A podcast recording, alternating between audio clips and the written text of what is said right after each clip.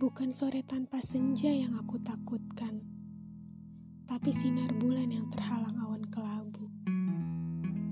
Bukan soal cinta tak terbalas yang aku takutkan, tapi merinduimu yang dianggap